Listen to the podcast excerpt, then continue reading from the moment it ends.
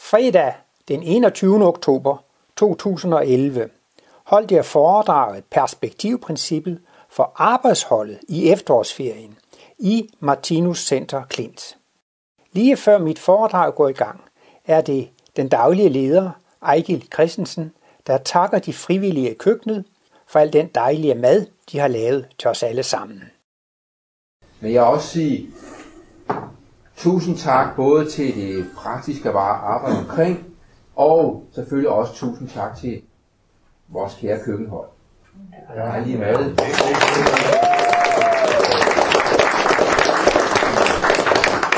Ja, Ole, du er på. Nej, jeg vil have noget forstærkning. Jeg har brug for forstærkning.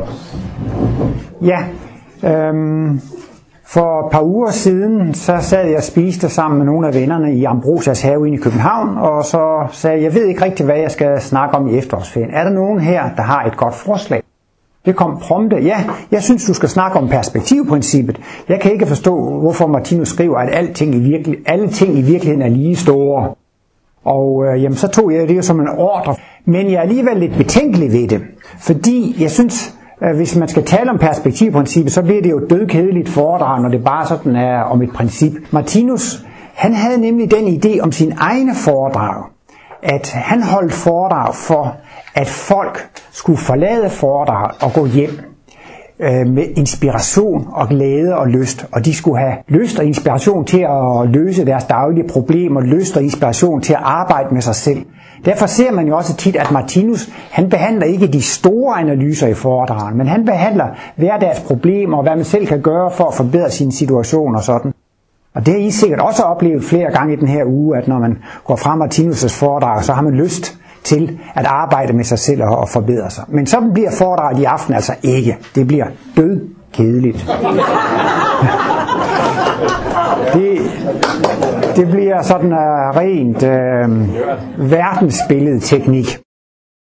Uh, Martinus han uh, taler jo om, at der findes uh, en uh, analyse af det levende væsen, x1, x2, x3 hvor x1 er skaberen, og x2 er skabe evnen, og x3 er det skabte.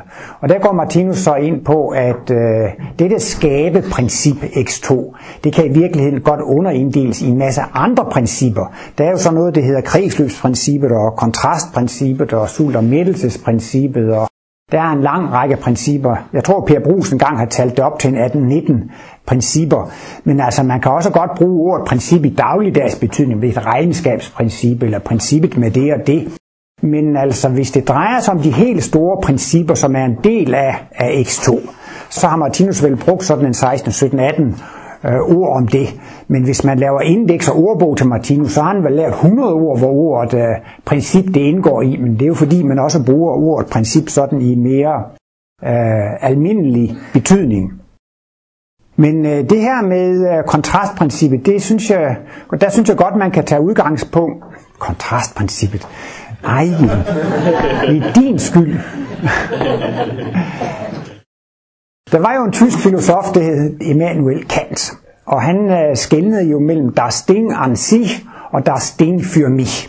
Og det er så altså et spørgsmål om, hvad en ting er i sig selv, og hvad tingen er for mig. Ikke sandt? Og det er også det store spørgsmål for Martinus. Hvad er tingen i sig selv, og hvordan jeg oplever jeg denne ting? Og der er det så, Martinus siger, at det er altså ikke det samme tingen øh, i sig selv, og sådan som man øh, oplever den. Og øh, Martinus han... Øh, forklarer jo altså, at, øh, at, at summen, hvis man tager summen af alting, ikke sandt, så har det ikke nogen egenskab. Hvis nu man øh, for eksempel øh, tager alle positive tal og alle negative tal i verden, altså plus 1 og minus 1 og plus 2 og minus 2 og plus 3 og minus 3. Hvis man lægger alle tal sammen, regnet med fortegn, så får man jo faktisk 0. Eller hvis der et sted i universet opstår en positiv elektrisk ladning, så vil der uundgåeligt også opstå en negativ elektrisk ladning i universet. Og hvis man tog og samlede alle elektriske ladninger i universet, hvilken ladning vil man få? Man vil få ladning 0. Og sådan er det selvfølgelig også med magnetiske nordpoler og sydpoler. Opstår der en nordpol et sted, så opstår der også en sydpol et sted. Ikke sandt? Og lader man også alt det sammen, så vil man faktisk altså også få, få 0, ikke sandt? Og øhm, nu siger man jo, at vi kører rundt om øh, solen med en hastighed på er det 30 km i sekundet, og jorden snor rundt om sig selv, og vores mælkevej den roterer rundt omkring sig selv på, på 200 millioner år, og vores galakserhåb bevæger sig i forhold til de andre galakserhåb. Hvor bevæger vi os hen af? Mod øst, mod vest, mod op eller ned? Jeg ved ikke, om I forestiller jer, hvis nu man så uh, alle bevægelser, der går op, og alle bevægelser ned, og øst og vest og syd og nord, jamen altså, hvor bevæger det hele sig hen, hvis vi ligesom kunne samle alle bevægelser? Jamen, der vil jo formentlig være lige meget bevægelse i alle retninger. Hvor bevæger det sig hen? Jamen, det bevæger sig jo ikke nogen steder. Altså, det er ligesom altså øh, neutralt, ikke sandt? Og øh, Martinus gør gældende, at det er umuligt at opleve ting på én gang. Man kan ikke opleve alt på én eneste gang.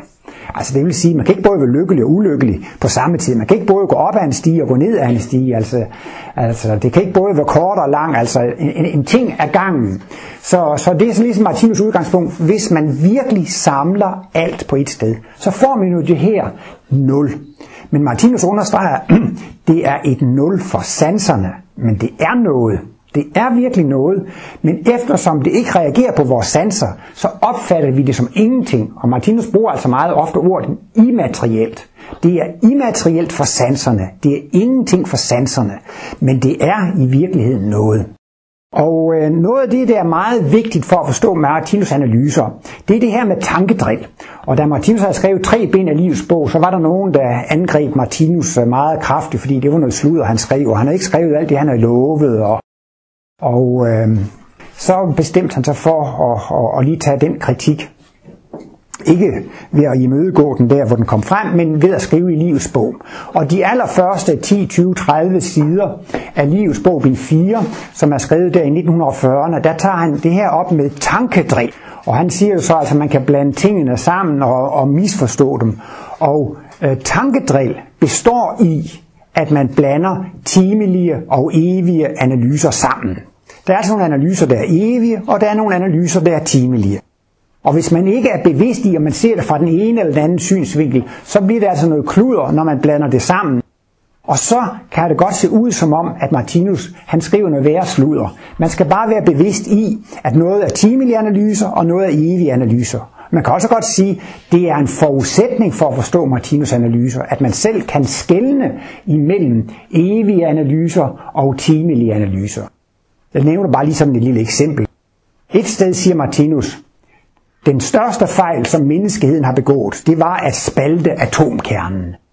Det er det mest djævelske, man kan gøre, det er at smide atombomber på andre mennesker, og der er også store problemer med atomkraftværkerne, som vi øvrigt også har hørt ham tale om her til morgen. Så det er sådan set menneskehedens største fejl. Der er ikke noget, der er mere djævelsk næsten, end, end altså at smide en atombombe med den stråling. Omvendt, så kan Martinus forklare, alt er så godt. Der er noget, der er behageligt, og noget, der er ubehageligt.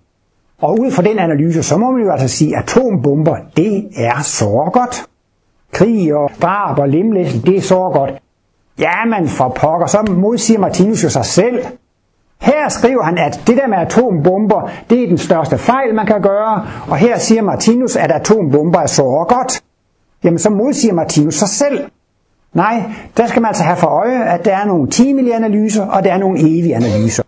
Set ud fra en timelig synsvinkel, set ud fra tids- og rumsperspektiv, set ud fra det skabtes verden, så var det en kæmpe fejl at lave det der. Og øh, Martinus har jo lært, synes jeg, en helt genial kombination af det her med det evige og det timelige i forbindelse med begreberne det behageligt gode og det ubehageligt gode. Altså, vi oplever livet, og der er altså forskel på det. Der er noget, der er behageligt, og der er noget, der er meget ubehageligt. Jeg har hørt en historie om en mand fra Aarhus, som var meget interesseret i Martinus analyser, og han var så heldig at, at kunne få en spaceretur sammen med Martinus. Og så spurgte Martinus, Nå, hvordan, øh, hvordan går det, hvordan har du det? Og så vil han jo selvfølgelig nok være en god kosmolog og svare politisk korrekt, og han siger så, jamen alt er så godt. Men Martinus vidste måske godt, at han havde lidt problemer, eller sådan noget, så sagde Martinus, Ja, men det er jo ikke alt, der er lige behageligt. Og øh, så er det jo altså ligesom, det vi oplever, det kan være behageligt, og det kan være ubehageligt.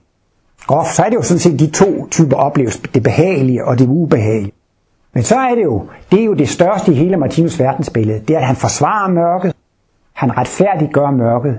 Han viser mening med smerten og lidelsen, og det er ikke gjort i nogen anden øh, filosofi eller litteratur. Og det kan Martinus kun gøre, fordi han har et, et evigt verdensbillede. Og der kan Martinus så sige, at alt er så godt. Men det med her, at alt er så godt, det er en evig analyse. Det er set ud fra et evighedsperspektiv. Så er alt så godt.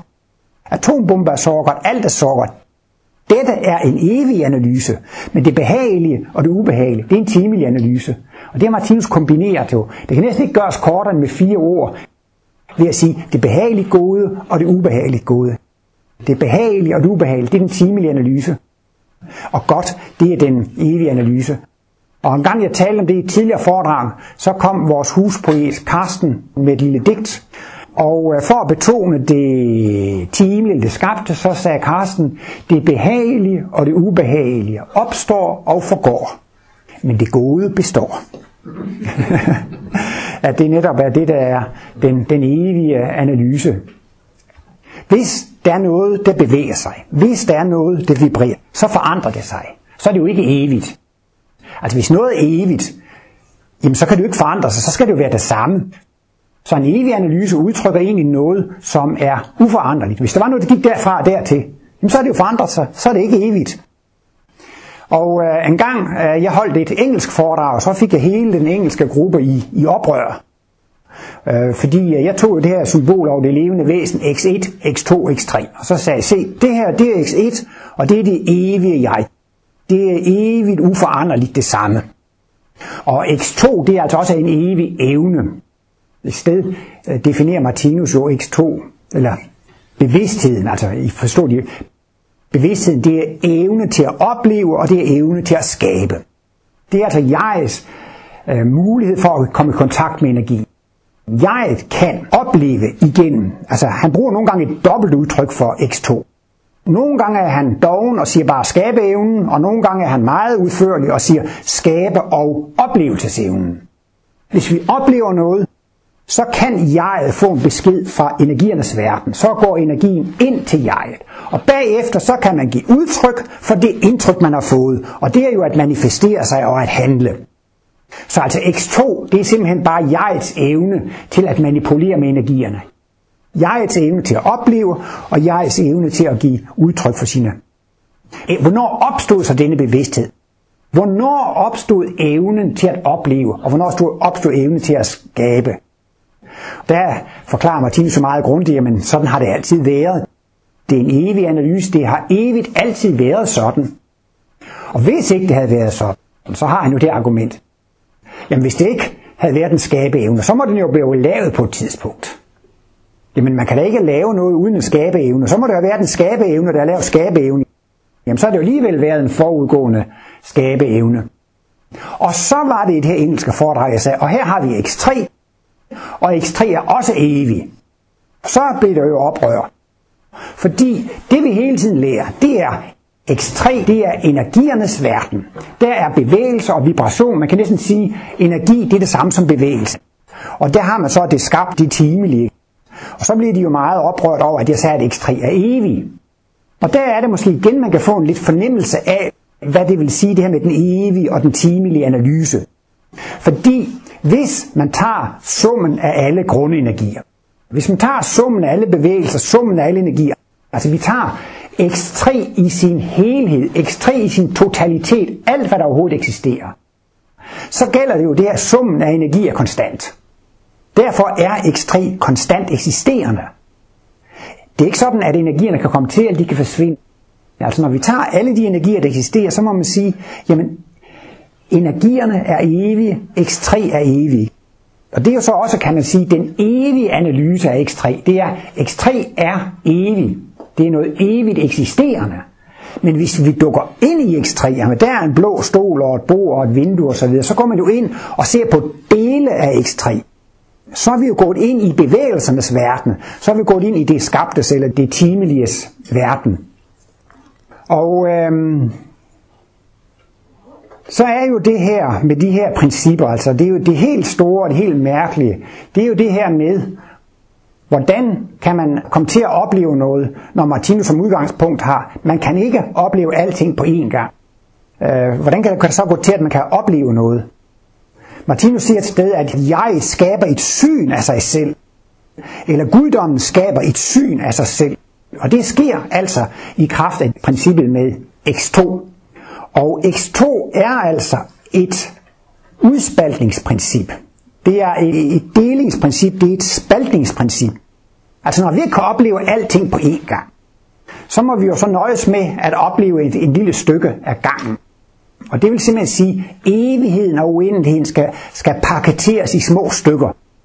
Man skal altså have evigheden og uendeligheden skåret i små stykker, så man kan opleve en ting ad gangen. Og det er altså x2, der er det princip, som altså kan spalte x1. Og øh, Martinus bruger også selv øh, lignelsen med et glasprisme. Hvis man sender hvidt lys igennem et glasprisme, så bliver det hvide lys brudt, og så får man spektre syv farver. Og det er jo meget overraskende, fordi man vil jo synes, jamen det er hvidt lys. Man siger jo også nogle gange, det er farveløst. Nej, det er ikke farveløst. Det indeholder alle farver. Men netop fordi det indeholder alle farver, man kan ikke opleve alle farver på én gang. Tager man alle farver på en gang, så ophæver de hinanden og bliver hvide. Så det vil altså sige, at dette X1, dette guddommelige noget, som bare eksisterer, det kan kun blive gjort tilgængeligt for sansning og oplevelse, hvis det bliver spaltet. Og det er så altså X2, der er sådan et, øh, et spaltningsprincip. Og øh, der har jeg tænkt mig at komme med et eksempel med, med, med, med, med en lavkage. Jeg vil prøve at bevise, at hele universet er en lavkage. Men inden vi kommer så langt, så skal vi lige have et lille kursus i filosofi. Normalt siger man jo sådan, altså der er jo nogle gange kun to muligheder. Enten så er livet evigt, eller så har livet haft en begyndelse. Hvis livet har haft en begyndelse, så er livet ikke evigt. Eller hvis livet er evigt, så har livet ikke haft en begyndelse. Sådan er det jo altså, hvis vi kan forkaste den ene mulighed, så er det jo altså den anden mulighed, der er sand. Det er jo sådan, man gør i filosofien. Ikke? Altså, hvis der kun er to muligheder, og man kan forkaste den ene mulighed, så er det altså den anden mulighed, der er sand. Ja, det er meget enkelt. Og så skal vi så se til det her med, at jeg vil gerne bare lige som en lille indledende øvelse bevise, at månen er lavet af grøn ost. Månen er en grøn ost. Og her har vi så altså to, der er to muligheder.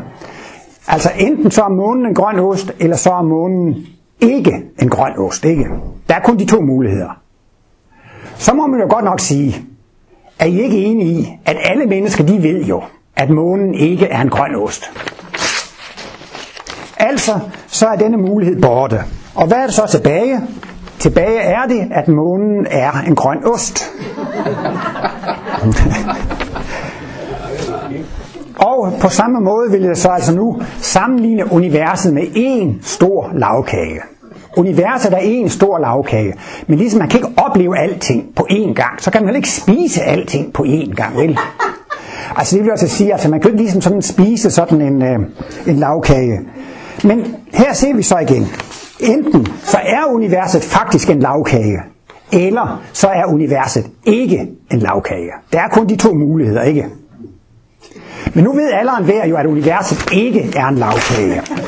Altså, så er denne mulighed Tilbage er der så kun denne mulighed, at universet er en lavkage.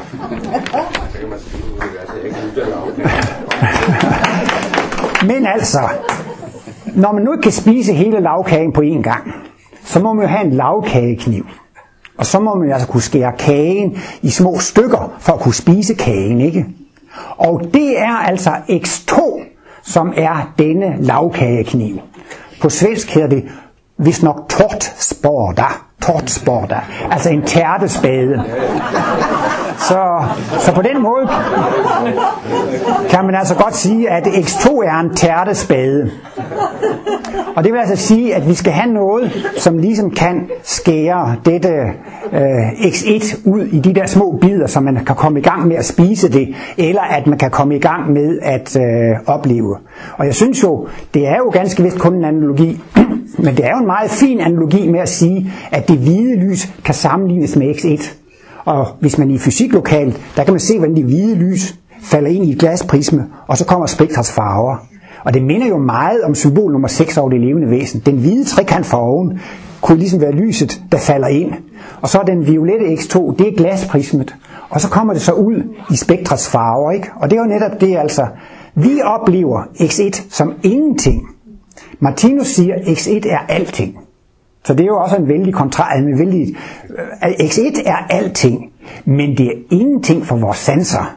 Men det kan gøre sig godt blive gjort tilgængeligt ved vores sanser, hvis det bliver delt op, hvis det bliver spaltet ud i de enkelte kontraster. Ikke? Og det er jo så det, X2 gør, at det, at, at, at, at det bliver delt op i, i, i de her enkelte dele, der så bliver gjort tilgængelige for, for sansning. Og Martinus han er jo altid inde på, at det se, afhænger af øjnene, der ser det, ikke sandt? Og Martinus forklarer jo så, at al sansning er baseret på perspektivprincippet. Altså perspektivprincippet, det er jo den kobling, der er imellem oplevelsesevnen og det, der bliver oplevet, altså koblingen mellem X2 og X3. Og øh, ligesom Kant sagde, der Ding an sich und das Ding für mich.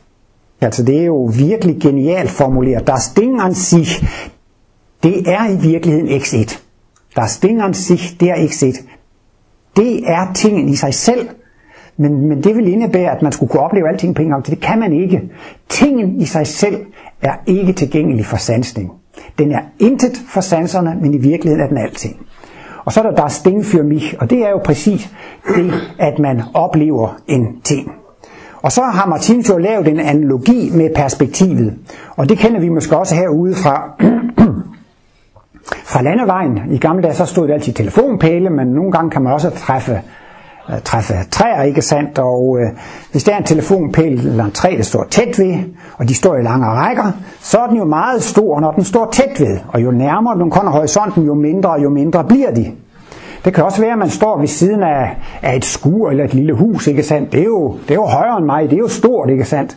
Men derude i horisonten står der en skyskraber, den er, den er jo mindre end min lille finger. Altså, hvis nu ikke man var et kulturmenneske eller sådan noget, så ville man jo sige, jamen det her skur, det er større end den skyskraber.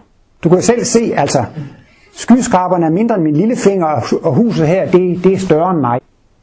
Sådan oplever man det. Og det er det, Martinus siger, det er i virkeligheden det princip, der ligger bag al sansning. Bag al sansning, der ligger der altså det, at man har overvurdering af én ting og undervurdering af en anden ting. Man overvurderer det, der er tæt på en, og man undervurderer det, der, der er langt fra en. Man overvurderer størrelsen af de træ, som er tæt på, og man undervurderer størrelsen af de træ, der er langt væk. Og så har jeg også ligesom prøvet at forestille mig, jamen hvis nu vi siger, at øh, dette X1 kan opdeles i alle de her forskellige energier, ikke?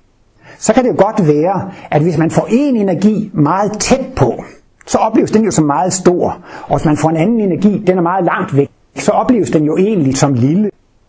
Så, øh, så på en måde, så er perspektivprincippet jo alligevel lidt i familie med kontrastprincippet. Fordi perspektivprincippet er med til at skabe forskelle. Der skal være en forskel. Der bliver en forskel. Det der er tæt på er stort, og det der er langt væk, det er småt. Så er der altså blevet en forskel. Så i den forstand, så er perspektivprincippet og kontrastprincippet jo altså i familie. Ikke? En kontrast, det er jo et princip, der viser, at der er forskelle, ikke? Øh, men, men dette perspektivprincip, det er jo altså set ud fra mine øjne, og allerede i stykke 1, 2, 3 i livets bog, forklarer Martinus at al livsoplevelse, det er en reaktion mellem to energiformer.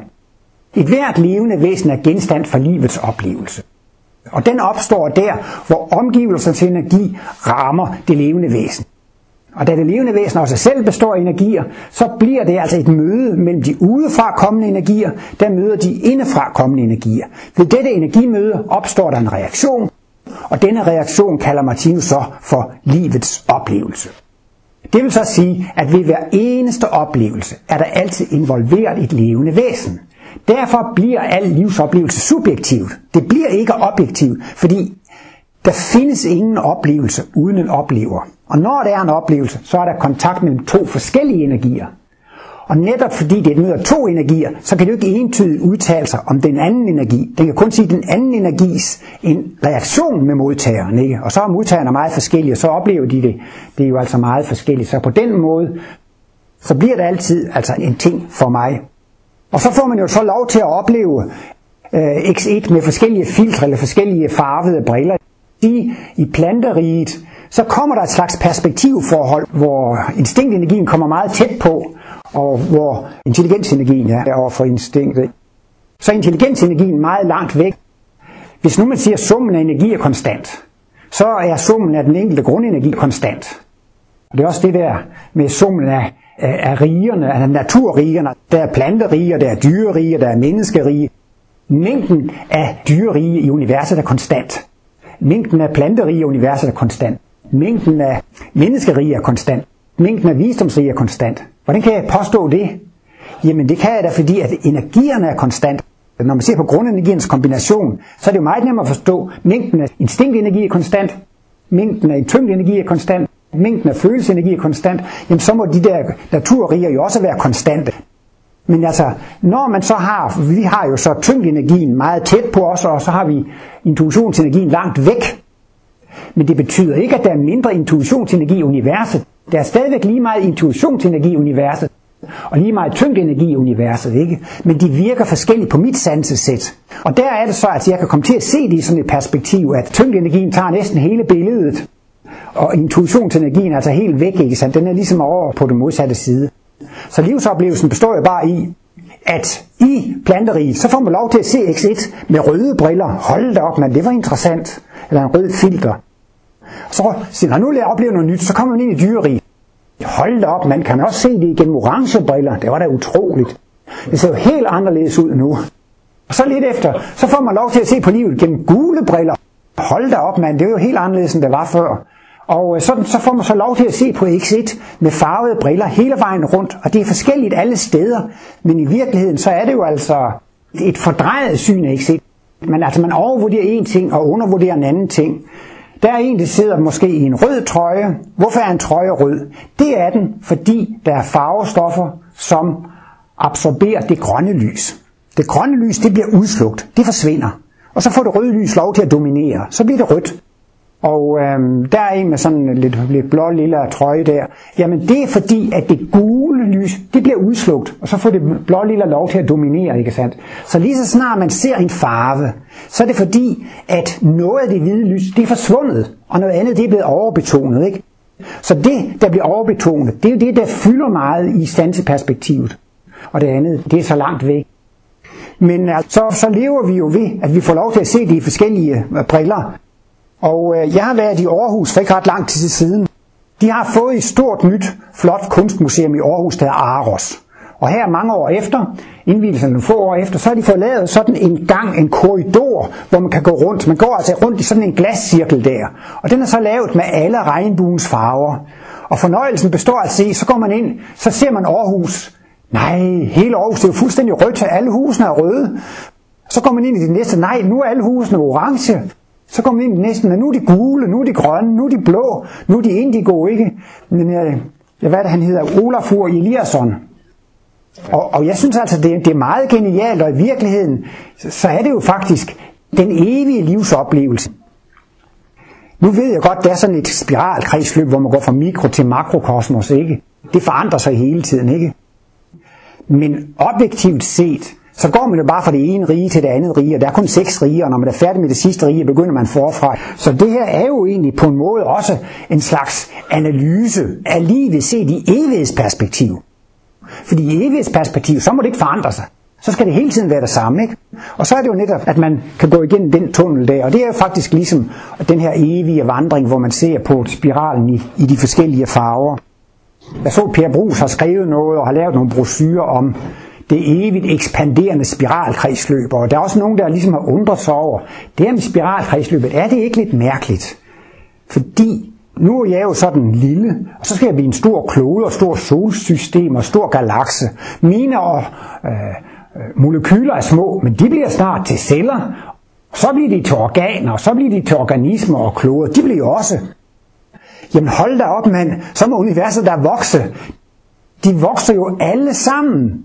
Altså, det er jo, og vi kommer alle sammen, vi går jo videre og videre i større og større spiralkredsløb, ikke? Så hvordan kan man løse et problem med det her ekspanderende univers, eller det her ekspanderende spiralkredsløb, han siger, det bliver større og større og større. Hvordan kan det lade sig gøre, hvis mængden af stoffer er konstant, og mængden af levende væsener er konstant, så er det da umuligt, at det hele kan blive ved med at vokse og vokse og vokse og vokse. Men der er det også den her analyse med, at jeg består af uendelig mange mikroindivider. Jeg har en uendelighed af mikroindivider under mig, og jeg har en uendelighed af makroindivider over mig. Jeg er lige midt i det hele. Jeg må jo indrømme, at jeg er noget sportsinteresseret, ikke? og så kan man rykke op fra Danmarksserien i anden division, og så kan man rykke op i første division, og så kan man rykke op i Superligaen, og så er der ikke mere, så har man nået toppen. Men sådan er det ikke med spiralkredsløbet. Det er ikke et sidste spiralkredsløb. Og det er jo nemt at forstå med tallene, ikke? Så kan man være i tiernes kredsløb, eller i hundredernes kredsløb, og tusindernes og titusindernes kredsløb, hundredtusinderne, millionerne. Jamen altså, er der et største tal? Nej, det er det ikke. Så der kan man altså blive ved med at vokse i al evighed opad. Og det er heller ikke et mindste tal, fordi vi kan sige, at der er 0,1. Jamen, der er også 0,01 og 0,001, og så der er ingen grænser for. Derfor bliver jo så altså universet uendeligt. Og det vil sige, at jeg har en uendelighed under mig, og jeg har en uendelighed over mig. Og så avancerer jeg, så rykker jeg op fra anden division til første division, og så bliver jeg klode, og så bliver jeg solsystem, og så bliver jeg galaks. Men hvad nytter det? Jeg avancerer jo ikke rigtigt i systemet. Jeg er ikke kommet i Superligaen endnu. Fordi der er en uendelighed ovenover mig. Og det vil faktisk sige, at man avancerer ikke en pind. Og spørgsmålet er så også, om jeg i virkeligheden bliver større. Ja, det ser jo måske ud for mig her nu, som om, at jeg bliver større. Men bliver jeg nu i virkeligheden større? I dag var jeg ude og cykle en tur og cykle hen langs vejen, ikke? så kiggede jeg på de der lygtepæle, der var sådan noget af træerne. Hele tiden, når jeg cyklede frem her, ikke? de blev større og større. Hvis jeg kiggede på dem, så var den så lille der, så voksede de helt. til det de, de voksede hele tiden. Det blev større og større. Alt det, der lå foran mig, det voksede. Og vendte man sig om, så kan man se, hvordan det hele det blev mindre og mindre og mindre og mindre og mindre bag ved en. Så på en måde ligesom at, at cykle på vejen der, ikke? Altså det er jo ligesom at rejse. Og når man laver sådan en, en kosmisk rejse der, ikke? Jamen altså, det der, der, der kommer hen i møde, ikke? det ser ud som om det vokser. Og det der, der svinder bag en horisont, det ser ud som om det bliver mindre. Og vi er jo også, jeg elsker det udtryk, som Martinus har, vi er evigt kosmiske rejsende. Og alt liv, det er en evig rejse i Guds bevidsthed. Vi rejser hele tiden, ikke sandt? Og der er så altså et vis perspektiv i den rejse. Og vores rejse, det er jo ligesom, når jeg cykler eller kører i bil, så kan jeg se, at tingene bliver mindre bag ved mig derude. Og det er jo ligesom, det jeg ligger bag mig, det er jo mikrokosmos. Mikrokosmos, det er min fortid. Og makrokosmos, det er min fremtid. Det bliver større og større og større. Men det gør det bare i al evighed. Har I set de her fraktalfilm, ikke? Så, så, så, oh, der var en sådan fin søhesterfraktal. Så går man ned og ser en lille detalje, så forstørrer man den op. Så går man ned og forstørrer den der lille detalje op. Og så går man ind i og forstørrer den op og går ind i en ny detalje. Og så oplever man jo, jamen herregud, det kan jo blive ved med, og blive ved med, og blive ved med i al evighed. Fraktalerne, der kan man også se, altså, hvornår er en fraktal stor, og hvornår er den lille? Altså den første jeg så, den var jo nok den mindste, fordi så blev den jo forstørret op, og den der, den men når man bliver ved med at se det, så bliver det jo fuldstændig monotont. Det bliver ved, selvom man forstørrer det, det bliver det samme og det samme og det samme og det samme. Så på den måde, så synes jeg godt, man kan sige, ja, men altså, alle de der fraktaler, jeg rejser jo ned igennem de der fraktaler, ikke? Men i virkeligheden, så har de jo også samme størrelse. Eller så kommer vi måske, lad os nu tage en kugle. Lad os sige, det er en lille, et lille atom, eller lad os sige, det er en grønært, eller lad os sige, det er en jordklode. Nå, ja, set fra mit så er jordkloden altså meget stor, jeg kan slet ikke overskue. Når en er, den er jo sådan relativt lille, og, og en atom, det er jo helt, helt forsvindende lille, ikke? Men Martinus siger jo, hvis vi går langt ned i mikrokosmos, så er der elektroner, der kører rundt om atomerne, og langt ned i mikrokosmos på disse elektroner, der findes der også mennesker og dyr og planter. Den hold da op, mand. Det må da være småt, ikke? Hvis man, og hvis man så gik rundt på sådan en, en lille elektron dernede, så, så ville et atom jo være et kæmpe stort univers, ikke? Men altså, hvis jeg var nu ude i nogle galaksehober og kiggede ned på vores jordklode, så var det jo en lille elektron. Eller bare den her lille, det ligger en kvist på en sti i junglen, og myren siger, at det er en kæmpe bjælke, og elefanten siger, at det er en lille bitte kvist. Er det myren, der har ret, eller er det elefanten, der har ret?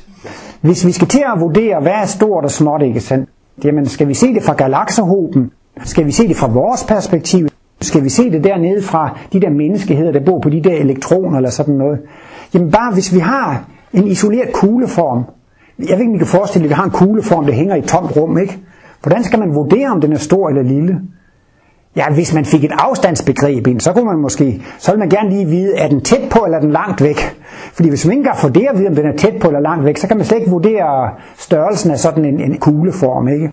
Men for at komme til det, der var sagen, det er jo altså, at Martinus skriver, i virkeligheden så har alle ting den samme størrelse. Det er en evig analyse. Set ud fra et evigt synspunkt, så har alle ting den samme størrelse. Altså ligesom en, en kugle, er den stor eller lille? Jamen det er, hvem ser på den. Det er det, der definerer, om den er stor eller lille. Men man kan ikke få at vide, om kuglen i sig selv er stor eller lille. Det er hvem, der ser på den, og det er hvem, der ser på det i hvilket perspektiv. Og ser man så altså på en given kugle fra supermikrokosmos, så er den stor. Ser man på præcis den samme fra makrokosmos, så, så er den lille. Og ser man fra mellemkosmos, så er det jo så sådan håndgribeligt, ikke sandt?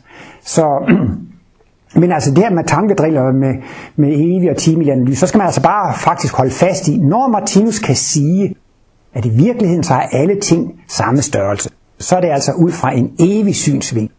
Og i virkeligheden, så skulle man jo lægge til, når han siger, at i virkeligheden har alle ting samme størrelse, så betyder det faktisk, at i virkeligheden har de ingen størrelse. De har ingen størrelse. Størrelse er noget, der først opstår, når det bliver oplevet. Og det er jo så også lidt interessant, at Martinus siger, så er al oplevelse i virkeligheden en illusion, fordi det er en eller anden, et eller andet syn af exit, det er ikke exit. Det er også lidt mærkeligt, at hvordan er jeg, jeg kan se mine tæer og mine fødder, men jeg kan ikke se mig selv om i nakken eller på ryggen. Ej, jeg kan måske se et spejl, men så er det jo et spejlbillede, eller men jeg kan se meget rundt omkring, men jeg kan ikke se min egen pupil. Altså det er ligesom, når man skal det her syn af sig selv, så er det også noget i mig, der ser. Og det er noget, der ser, kan jo, ikke, kan jo kun se det andet, så, så man kan altså ikke, øh, altså ligesom, øh, jeg kan opleve alting. Det kan bare ikke opleve sig selv, fordi det er opleveren. Altså, eller sagt med andre ord, jeg har jo så et pupil og et øje, så det, det er noget, der ser, ikke? Altså, det er ligesom et fotografiapparat, det kan fotografere alt muligt, men det kan ikke fotografere sig selv. Ja, det kan, ja så er det et spejlbillede jamen så er det, ikke så, så er det jo et spejlbillede, den fotograferer. Jeg synes, det er så sjovt. Man kan jo fotografere alt muligt med et, med et fotografiapparat. Men det kan jo ikke fotografere sin egen øh, apertur eller sig, egen linseåbning. Altså det kan jo ikke fotografere sig, sig selv. Og sådan er det jo så altså også med det levende væsen. Altså jeg kan ikke opleve sig selv, men det kan skabe et syn af sig selv. Og dette syn af sig selv, det er jo så det, der bliver med røde, gule, grønne eller blå briller. Det er altså ikke den virkelige ting. Det er altså det er ikke tingen i sig selv, men det er tingen for mig. Tingen, som jeg oplever det. Men, siger Martinus, for det ikke skal blive alt for syret, at det er jo altså en realistisk illusion. Jeg går hen til tandlægen, og han borer i tanden, og det gør ondt. Så siger de til selv, Nå, men det er jo bare en illusion. Altså alt det, vi oplever i X3, det er jo en illusion. Men det hjælper ikke rigtig noget, det gør ondt alligevel. Så altså, så man skal jo ikke øh, opfatte det med illusion, som om det er det rene fup. Det er bare set ud fra den synsvinkel, at det er ikke den absolute virkelighed, man oplever. Men man oplever selvfølgelig noget meget realistisk og noget meget, øh, meget håndgribeligt. Jeg var inde i København og hørte et foredrag af en, der hed Avery Solomon fra USA, som øh, holdt foredrag. Og øh, han er noget inspireret af Paul Brunton og Eckhart Tolle og, og så videre. Og så hørte jeg ham at holde et, et foredrag om de ting, vi oplevede derude, om de virkeligheden var i den ydre verden, ikke sandt? Altså, er det, kan vi nu være sikre på, at det der er træ? Og han blev ved med at sige, nej, det der det er et oplevet træ. Er det der en stol? Nej, det er en oplevet stol, og det blev han ved med at præcisere. Og øhm, det stemmer jo meget med, med, med Martinus analyser. Jeg også en af Per Bruses bøger har jeg læst hele den her lange historie om den røde postkasse. Jeg ved ikke, om I har læst den, men altså, det der går ud på, om det nu var Averys øh, træ, eller Per Bruses postkasse, eller Martinus analyser, så er det altså det. Der er en ting derude, som udsender noget lys, som rammer mit øje. Og inde i mit øje har vi nogle stave og nogle tappe, som er lysfølsomme. Og når det så kommer en vis mængde energi med lyset, så udløser det i nervetråden en elektrisk impuls. Den impuls, den kan ikke være stærk eller svag. Den har kun én styrke. Altså, og når det kommer sådan en impuls, så udløser den en strøm, og den strøm løber så fra sansecellen og op til hjernen. Og så har vi jo så 12 hjernenerver, der går ud til alle mulige forskellige øh, dele, og når vi så oplever nogle forskellige steder, så løber der bare en strøm. Og de strøm, der løber i nervesystemet, de, de er ens. Det er altså ligesom digitalt 0 eller 1. Enten så går der 0 strøm i en nerve, eller så løber der den der strøm i en nerve. Så det vil så sige, at det, der kommer op til vores hjerne, det er faktisk bare sådan noget digitalt 011000111000001. Jamen er det en blå stol eller en postkasse eller sådan noget altså? Og han blev også ved med at sige, jamen altså, det der træ, det, det er ikke derude. Det er noget, der bliver tolket inde i ens egen hjerne. Og det er jo altså også ifølge de kosmiske analyser rigtigt. Altså i virkeligheden er tingene ikke derude.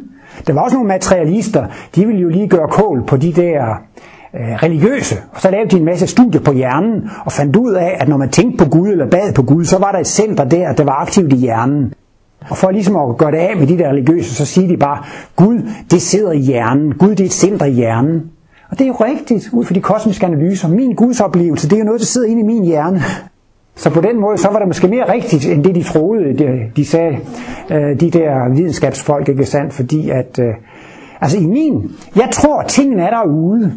Men, men det jeg oplever, det er min tolkning af de der strømme, der kommer ind. Det er mig, der tolker dem. Men der havde Avery så jo lidt af et problem med at forklare, men hvordan har vi så fundet ud af, at det er grønt, og det er rødt, og det er træ? Altså ligesom et barn skal jo lære det på et tidspunkt. Hvornår har vi lært det der med at tolke de der signaler? Sådan at de der 010001, det, det er synsindtryk, og 001, det, det var noget, der smag, det var smagt noget, noget, der lugtede, og det var noget, der kunne høres. Altså. Og, og det kunne han ikke sådan rigtig forklare. Det er jo sådan lidt af et mysterium, hvordan, øh, hvordan var det nu egentlig, øh, hvordan har han nu egentlig lært det til at begynde med, ikke? Men det mærkelige ved det er, at altså, det har man aldrig lært. Og øh, jeg synes, flere gange, når jeg beskæftiger mig med Martinus analyse, så kommer jeg stadigvæk tilbage til det samme og det samme. Alle mine tanker, de går altid tilbage til det samme, og det er, livet er. Livet eksisterer, og livet fungerer. Jamen hvorfor gør det det? Hvornår begyndte det at gøre det? Jamen det er det bare altid gjort. Der er også nogen, der siger, Ole, han er så autoritær. Og især når han holder foredrag, så siger han, sådan er det bare. Altså man må da have lov at tænke selv og sådan noget. Man skal da ikke bare tro på alt det, der bliver sagt. Men altså, den evige analyse af X1, den evige analyse af de energier, der eksisterer, det er jo bare, at det er et noget, som eksisterer. Jamen hvorfor eksisterer de? Det gør de bare. Martinus forklarer, hvis en ting er skabt, så har den en begyndelse, og derfor kan man forklare, hvorfor den eksisterer. Men hvis en ting ikke har en begyndelse, så har den altid været der. Og så er der ikke nogen grund til, at den er der. Den er der bare. Og sådan er det altså også med livet. Hvorfor er livet der? Hvordan begyndte det? Hvordan blev det lavet? Og hvordan begyndte Jamen det er aldrig begyndt, det er aldrig lavet. Det er der bare. Jamen, hvordan kan det være, at livet fungerer? Hvordan kan det være, at vi har en bevidsthed, der tolker de ting derude? Og sådan, og hvordan lærte vi det? Hvordan blev det lavet? Jamen, det er aldrig blevet lavet. Sådan har det altid været. Og altså, hvordan kan det være, at livet fungerer? Hvordan kan det være, at man kan sanse og opleve? Jamen, sådan har det altid været. Sådan, sådan er det bare. Og nogen synes, altså, så, så jeg synes, det er sådan lidt af en misforståelse. Det er ikke, fordi jeg er autoritær. Men det er altså resultatet af en evig analyse. Sådan er det bare. Fordi man kan kun forklare ting, som har en årsag. Og så kan det forklares ud for årsagen. Men de evige tings eksistens, de, de, de er der bare. Og jeg er også ved at fordøje det lidt. Det hjælper mig en lille smule en gang imellem. Jeg er sådan meget sportsinteresseret og konkurrencemindet og også meget øh, præstationsorienteret. Ikke? Så jeg skal præstere noget. Og, og så er jeg en god dreng, og så får jeg folks sympati, hvis jeg arbejder meget, eller holder nogle gode foredrag, eller, eller gør et eller andet der. Så. Og så er det jo tit, man tænker, ah, gjorde I det nu også godt nok, og var jeg nu god nok der, og og så begynder man sådan at blive utilfreds med sig selv, fordi man synes måske, at man ikke gjorde det godt nok, og har nu præsteret nok, ikke? Og der synes jeg, det, det hjælper mig lidt nu med de her evige analyser. Jeg er, og jeg eksisterer. Jamen Ole, hvorfor eksisterer du? Det gør du bare. Jamen, eksisterer I nu også på en god måde, og på en flittig måde, osv.? Nej, man kan ikke eksistere på nogle forskellige måder. Man eksisterer bare. Jeg er bare jamen, øh, jamen, øh, jamen er det godt nok, eller gør jeg det godt nok, eller så videre? Eksisterer jeg på en god måde? Er det godt nok den måde, jeg eksisterer på? Jamen man eksisterer ikke på nogen måde. Man er der bare. Og det er ligesom, man skal helt til bunds med bare acceptere. Jeg er, og jeg øh, eksisterer. Jeg har set moderne terapeuter, de bruger jo ikke de evige analyser, de kosmiske analyser. De kan ikke forklare det her med skæbneloven, og det er ingen grund til at være martyr osv. Men jeg har hæftet mig ved, at når de så får klienter, så det første næsten siger til klienten, det er, altså hvis vi skal i gang med at arbejde her, så må du acceptere, at din situation er, som den er. Du har mistet din fod, eller din ægtefælle, eller du har sådan eller sådan. eller hvad det kan være. Hvad som helst. Ja, Men altså, de begynder ligesom med, det kan ikke nytte noget, man begynder at grave i, hvorfor, hvorfor, hvorfor nu det, og var det nu retfærdigt, var det nu rigtigt, altså, de, altså det, det er ligesom, det, man har fundet ud af, at det er det, det virker. At folk må gå ind i deres situation, og så må de simpelthen bare acceptere, at det er, som det er. Og det er jo, kan man jo få en logisk begrundelse på i de kosmiske analyser, ikke? At det er jo på grund af øh, karmaen og og der er årsag og virkning osv. Vi har selv skabt det, og jeg er selv skyldig. Der får man jo en logisk. Men selvom man ikke forstår den logiske forklaring, så virker det alligevel. Man må ligesom have en accept af, jamen altså, at øh, tingene er, som de er.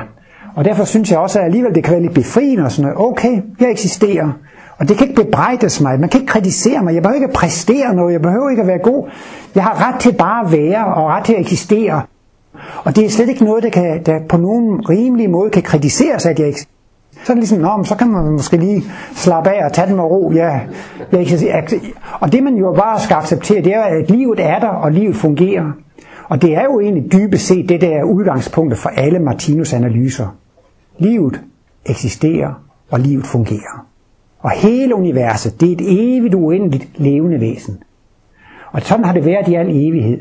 Så på en måde kan man jo også sige, altså, at livet er uforanderligt, ikke sandt? Altså livet, det er bare, det er bare som det er, og jeg er bare, bare som jeg er.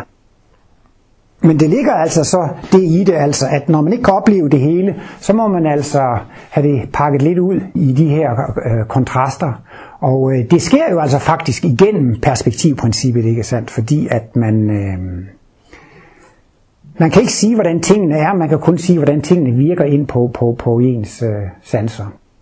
Men øh, jeg ved ikke, om Søren er nogenlunde tilfreds med forklaringen på, at øh, man kan godt sige, at alle ting er i virkeligheden lige store, fordi det er en evig analyse. Men for mig, så er organer og celler og molekyler, de er mindre end mig, og jordkloden og solsystemet og galaksen er større end mig, ikke sandt? Men det er jo i virkeligheden en analyse i det, i det, skabtes, i det skabtes verden. Øhm, Martinus sagde jo også, at jamen, øh, her i foredraget i morges, Ja, vi, vi har jo været med i udviklingen. Det, vi har været aber, og vi har været menneske i millioner år. Og, jamen, jamen, det begyndte jo med mineralriget og planteriget, og det er jo det her med den kosmiske bevidsthed, ikke sandt? Det er jo noget, vi har skabt over, over millioner. Man kunne måske lige frem sige over milliarder, ikke sandt?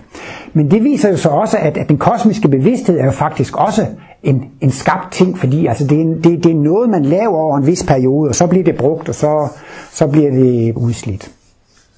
Men øh, jeg har ikke mere på hjertet, jeg har ikke nogen formfuld endt øh, afslutning. Jeg vil bare sige, det sete afhænger af øjnene, der ser det. Tak for opmærksomheden.